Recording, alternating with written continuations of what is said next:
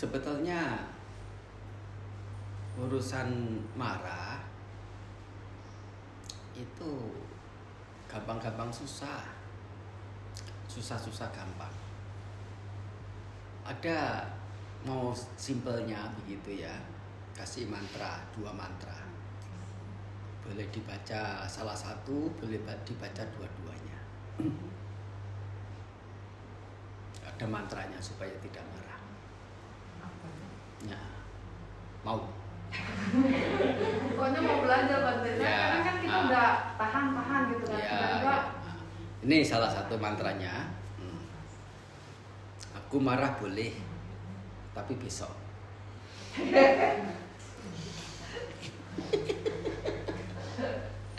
Ah aku marah boleh tapi besok. Aku marah boleh tapi besok. Ini bukannya semacam apa untuk semacam mengakali saja tidak. Tetapi sesungguhnya kemarahan yang muncul itu sudah dipertimbangkan dengan baik reasonable atau tidak. Sering orang marah itu belakangan aduh aku yang salah. Tapi sudah terlanjur sudah pecah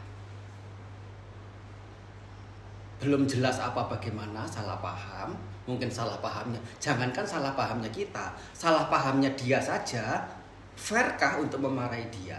Tidak fair. Dia yang memang salah mengerti. Jadi itu mantra. Saya marah boleh tapi besok. Kalau besoknya itu ya memang dipertimbangkan secara mat, secara secara matang, secara lurus, secara jujurnya, memang dia patut dimarahi ya dimarahi. Tapi setidaknya marahnya sudah tidak seperti hari ini. Besok itu. Sudah sudah mereda. Dan hal-hal apa yang apa namanya mestinya itu apa berdampak besar kerugian bagi diri sendiri dan orang lain atau kebersamaan itu menjadi bisa di reduce di apa dikurangi.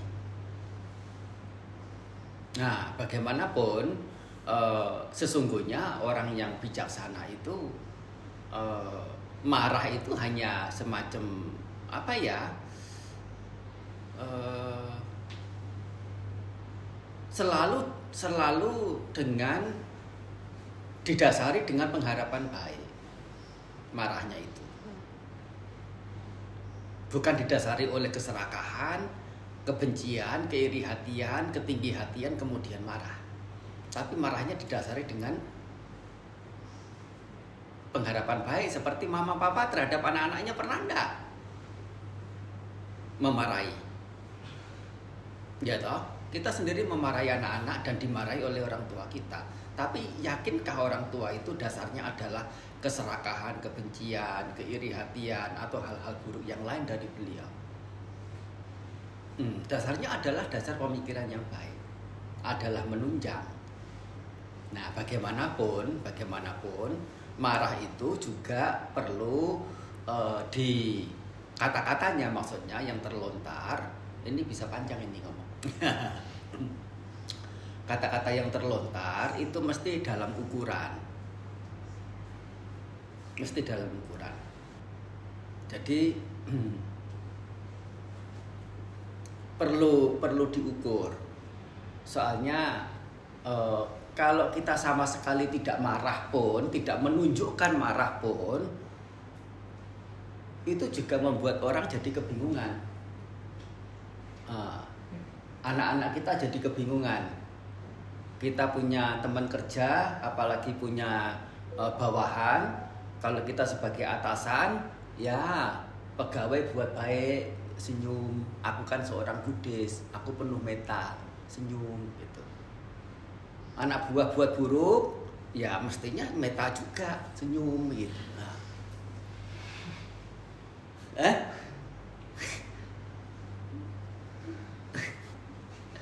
Ya meta itu tidak identik dengan senyum. Justru dengan kata-kata yang mendidik, terkesan tegas sekalipun, terkesan marah sekalipun, jika dasarnya adalah pengharapan baik, itulah meta yang sesungguhnya. Cinta kasih yang sesungguhnya. Yang selalu senyum terhadap orang lain, terhadap sekitarnya, mereka yang buat baik juga senyum, mereka yang buat buruk ya tersenyum. Itu bukan meta. Itu ada gangguan kejiwaan. ya. Barangkali hmm. atau salah salah salah mengerti tentang makna meta. Nah, kembali pada kemarahan itu tadi atau emosi. Hmm.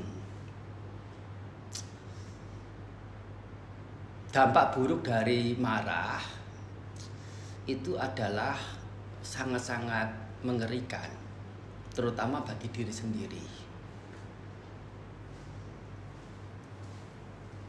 Jadi pergaulan juga retak, hati juga retak juga, hancur juga, rusak juga hatinya. Pergaulan juga rusak. Kebaikan apa yang sudah selama ini dibangun yang tidak murah biayanya meskipun pertemanan nggak murah biayanya harus care harus apa harus ini harus itu selama ini tapi hanya satu kali marah pecah der udah selesai semuanya apalagi kalau beberapa orang yang ya sampai ya beberapa orang ya sampai apa e, kalap begitu ya marahnya sampai luar biasa sudah tidak peduli itu uh, yang dimiliki yang ada di itu punya siapa nggak peduli. Mau dibanting ya dibanting dilempar ya dilempar. Urusannya belakangan tangkap polisi karena apa merusak hak milik orang lain. Atau itu adalah hak milik diri sendiri ya menyesal belakangan. Aduh apa namanya apa namanya ini barang yang sebegitu berharganya aku banting begitu saja. Tapi saat marah nggak terpikir. Itu sehingga pepatah pepatah Thai itu mengingatkan kita yang saya katakan sebagai mantra yang kedua. Apa itu? Nah, marah itu gila dendam itu bodoh Kalau orang marah itu mirip seperti orang waras atau orang seperti orang gila. Nah, kita itu mau jadi orang gila atau jadi mau orang waras? Mau jadi orang waras. Hmm. Harus baik-baik. Ini dua mantra. Dendam itu bodoh. Bodohnya bagaimana?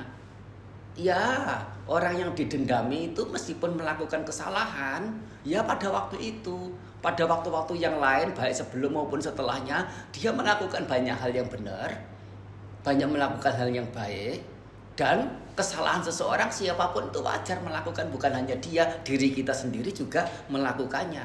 Tetapi dendamnya disimpan sedemikian lama hancur rusak hatinya dan bermain dengan bayang-bayang sendiri soalnya apa bukan nyata orangnya yang didendami yang didendami adalah pikir bayang-bayang yang ada dalam pikirannya sendiri. Orangnya sendiri mungkin sudah tidur nyenyak, sudah tamasya, main-main ke sana kemari, bahagia. Dan tidak mau menyadari bahwa setiap orang itu ada kurangnya, termasuk diri sendiri.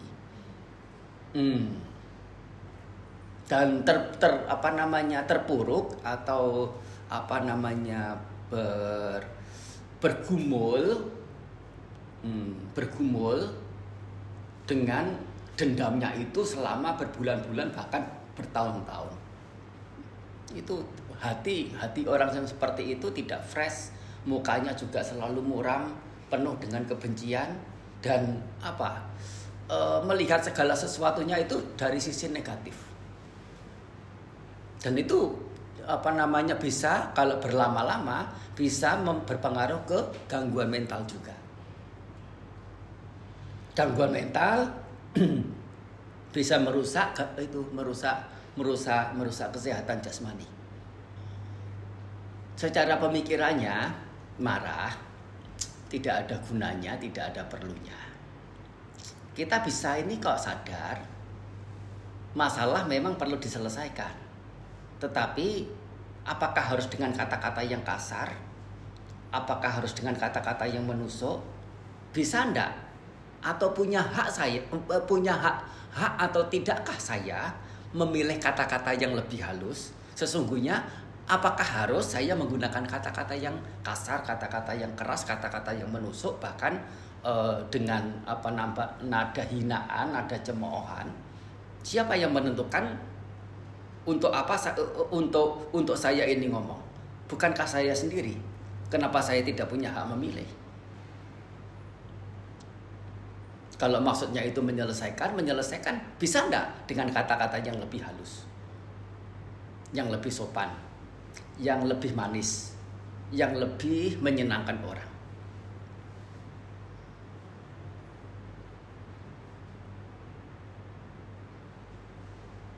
Permasalahannya adalah ini, apa namanya kita kurang begitu paham dengan latar belakang orang lain. Marah itu. Kalau kita paham, marah itu sulit untuk muncul. Ya, sering saya contohkan misalnya, uh, sudah sering sih, sudah sering. Kita sedang bincang-bincang di satu ruangan, satu rumah di pinggir jalan. Nah, ngomong bisnis atau urusan keluarga atau apa yang sangat krusial. Bisnisnya ya mm-an atau puluhan m entah itu m-nya m apa nggak tahu. Ya sesuatu yang penting. Nah, kita menganggap itu yang paling penting. Ya memang setiap orang selalu merasa urusan dia seorang itu yang paling penting di dunia. Yang lain nggak ada yang penting ya bukan bukan bukan uh, bukan bukan sesuatu yang penting. Urusan saya ini yang paling penting. Ngomong punya ngomong nah di luaran sana tito tito es krim es krim tito tito sambil jalan kaki.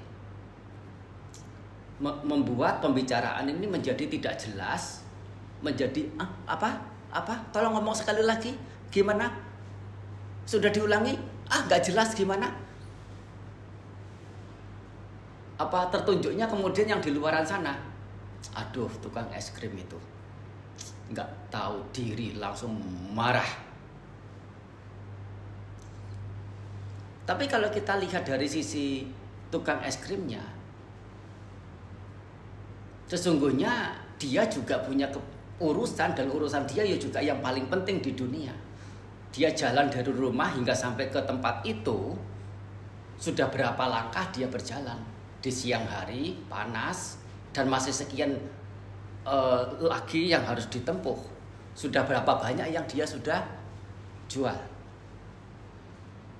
Dia harapannya tito, tito, es krim, beli, beli, beli. Untuk menyambung hidup dia. Urusan penting dia. Dan tito, tito, tito itu bukan urusan dia seorang. Itu urusan banyak orang.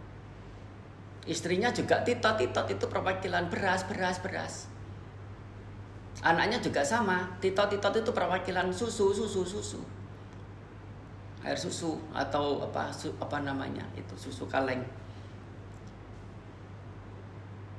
Dan keluarga semuanya itu berharap dengan es krim itu bisa terjual.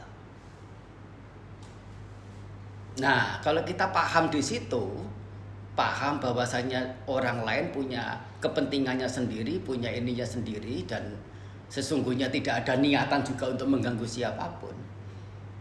Ya toh? Nah, coba kalau kita berpikir sampai ke situ, mungkin kita selain tidak jadi marah, bahkan muncul rasa kasihan.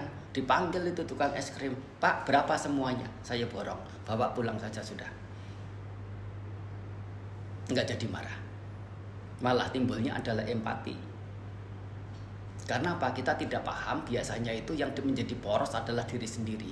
Tidak paham dengan sisi orang lain bagaimana punya kepentingan, punya urusan, atau punya alasan apa. Nah, sekali lagi, ya jangankan dengan kesengajaan atau dengan kesadaran. Uh, apa namanya uh, uh, maksud saya uh, jangankan dengan ketidaksengajaan ya dengan ketidaksengajaan atau dengan kesalahpahaman dengan kesadaran saja kalau seseorang itu punya alasan tertentu katakanlah dia mencuri barang ya mencuri. Tapi dibalik dia mencuri barang itu apa? Latar belakangnya apa latar belakangnya untuk bisa hura-hura minum-minum atau bersenang-senang yang lain atau memang dia punya keterpaksaan. Dia sudah utang sama bos sudah sekian utang lagi juga sudah nggak enak. Utang tetangga juga sudah nggak mungkin utang lagi. Tapi biaya dia untuk orang tuanya biaya dia untuk istri untuk anak terlalu berat. Dan itu menghimpit dia untuk situasi ekonomi yang mungkin tertentu begitu mau tidak mau dia cari jalan itu. Itu alasan berbeda cara apa cara sikap penyikapan kita juga mungkin bisa berbeda. Malah tahu alasannya seperti itu udah apa namanya nggak usah pikir kamu tetap apa ini itu apa namanya tetap kerja seperti biasa. Saya tahu kondisi kamu seperti itu. Pernahkah di video itu ya oh, anak seorang anak kecil gitu ya curi makanan oh, kemudian dikuntit sama yang pihak yang itu. Oh ternyata dikasihkan sama kakeknya. Yang satu lagi si itu papanya atau ibunya sakit dia hanya seorang. Ah, setelah tahu begitu bagaimana? Bukan hanya apa namanya tidak menagih apa yang dicuri dirampas balik tetapi malah memberi memberi lebih apa mau dikata anak kecil mau mau kerja apa mau apa caranya ya dengan sedapat mungkin nah itu kalau orang bijaksana ya mengerti sebab seperti itu bukan kemarahan dan apa me, apa namanya meletakkan materi sebagai sesuatu yang uh, poros utama dalam menentukan sesuatu, mem membuat keputusan. Kalaupun nyata-nyata dia melakukan kesalahan, apa alasannya itu?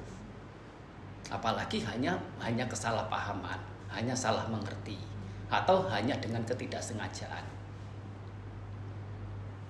Kalaupun misalnya ya sampai dia itu sengaja, uh, maaf itu memang memang ini uh, bukan sengaja, Eh, betul-betul uh, ini apa namanya betul-betul melakukannya suruh mengerjakan ini gitu ya keliru padahal yang lain-lain bisa mengerjakan dengan baik satu ini keliru mengerjakan yang kedua kalinya keliru lagi mengerjakan yang ketiga kalinya keliru lagi dia tahu ndak dia itu sedang keliru dan apa namanya tidak sesuai atau tidak tidak sama dengan yang lain-lain. Dia tahu. Dia sesungguhnya sudah kecewa dengan dirinya sendiri. Pengen pinter seperti teman-temannya, pengen pinter seperti pihak yang menyuruh. Dia sebetulnya apa namanya meratapi kemampuan dia. Tapi itu secara sepihak oleh pihak yang menyuruh, ya di apa namanya uh, ditambahi dengan umpatan-umpatan, cercaan-cercaan, apa uh, apa nama celaan-celaan, kata-kata yang kasar, kata-kata yang pedas itu malah menimpai diri yang bersangkutan. Sesungguhnya kalau itu memang kemampuannya, itu batas kemampuannya, sedangkan kita sendiri pihak penyuruh yang menyuruh menyuruh sesuatu yang di luar kemampuannya, mengharuskan dia bisa seperti yang lain padahal kemampuannya hanya segitu itu kesalahan dia atau kesalahan yang menyuruh. Iya toh? Kalau memang dia tidak mampu ya sudah dialokasikan ke sisi yang memang dia bisa dia mampu tidak perlu marah kalaupun dengan kesengajaan sengaja mencurangi, sengaja membuat kita kesel, jengkel dengan kesengajaan begitu ya. Patut kita marah? Tidak juga.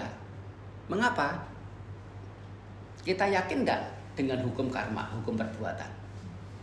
Hukum karma itu apa? Bagaimana hukum karma itu?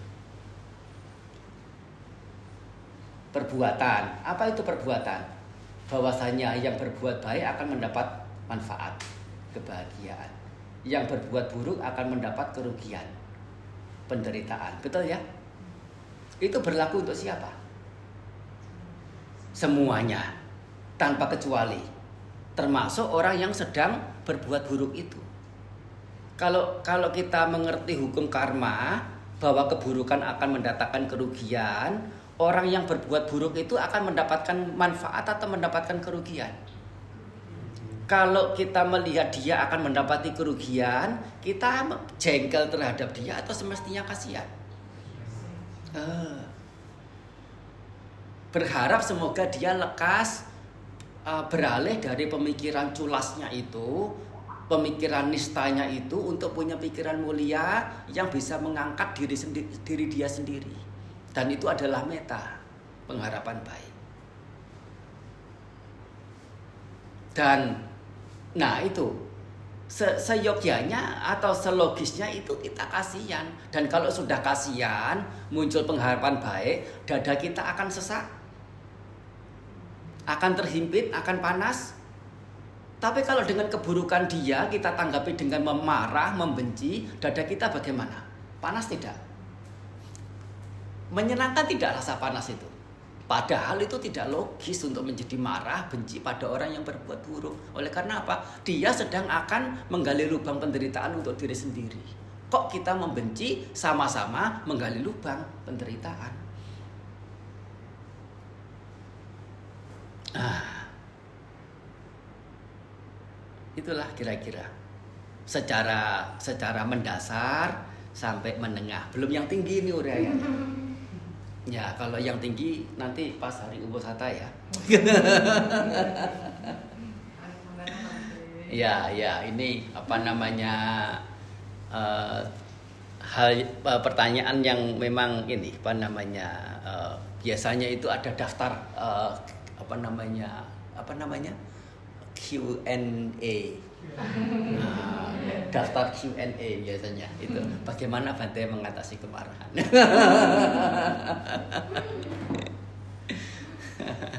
nah, dana semuanya ya Ibu Bapak ya semuanya.